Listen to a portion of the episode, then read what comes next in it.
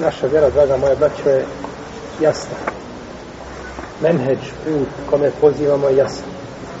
Ne bojimo se nikoga osim naših stvoritelja za ođer. Pričamo o našoj vjeri, taman se oni tamo koji to ne vole raspuknuli od muke.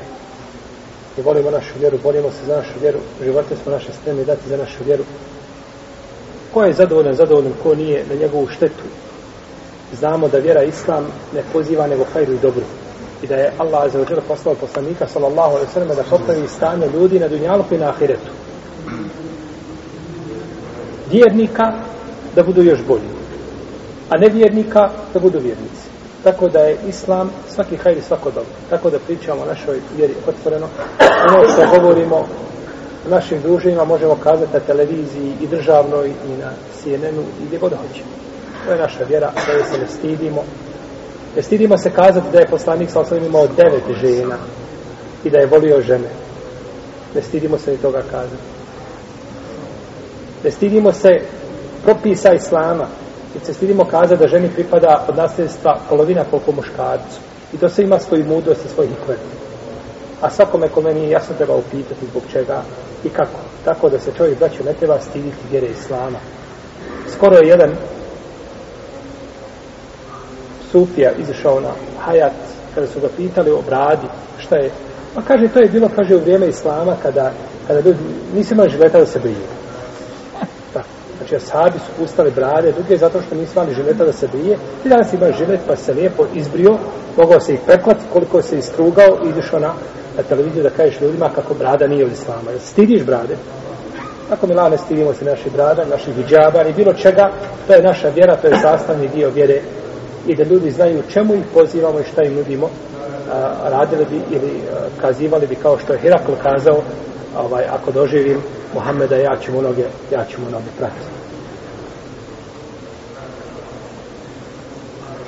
Mi smo s tim da treba naglasiti, braćo, da ima u islamu jedna činjenica, to je da ljudima se treba obraćati shodno njihovom, njihovoj deređi znanja. Da te ne bi pogrešno šta? Svaki. To jeste. Pa kad iziđeš pri običaj svijet, priča, pričat ćeš jezikom i koristiti izraze da te obični ljudi mogu shvatiti i razumjeti i da im možeš time omiliti islam.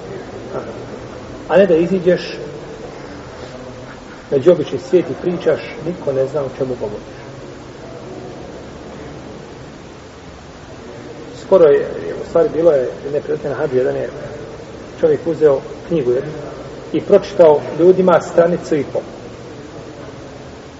Čitaju stranicu i pol. I to ima ljudi koji su fakultete završili šarijatski. I pita ih, razumijete li o čemu ovaj čovjek govori? Među njima su znači ljudi koji šta završili? Šarijatske fakultete. Niko ne zna, niko nije shvatio o čemu govori. Kaže ovaj ko je pročitao, kaže ovo je naš profesor Safina, govori o poslu. Znači, stanicu i pot čitam, a? i ti ne možeš služiti da ja govorim o postu, iako si šrijetski fakultet završio. Kakav je to absurd? I, I kako je to predstavljanje?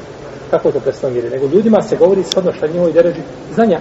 Kako je došlo od Ali je, radi Allah, ono kod Buharije, hadithu nase kadre ukulihim, kulihim, a i Allahu wa Rasulu, pričajte ljudima shodno deređi njihovog znanja.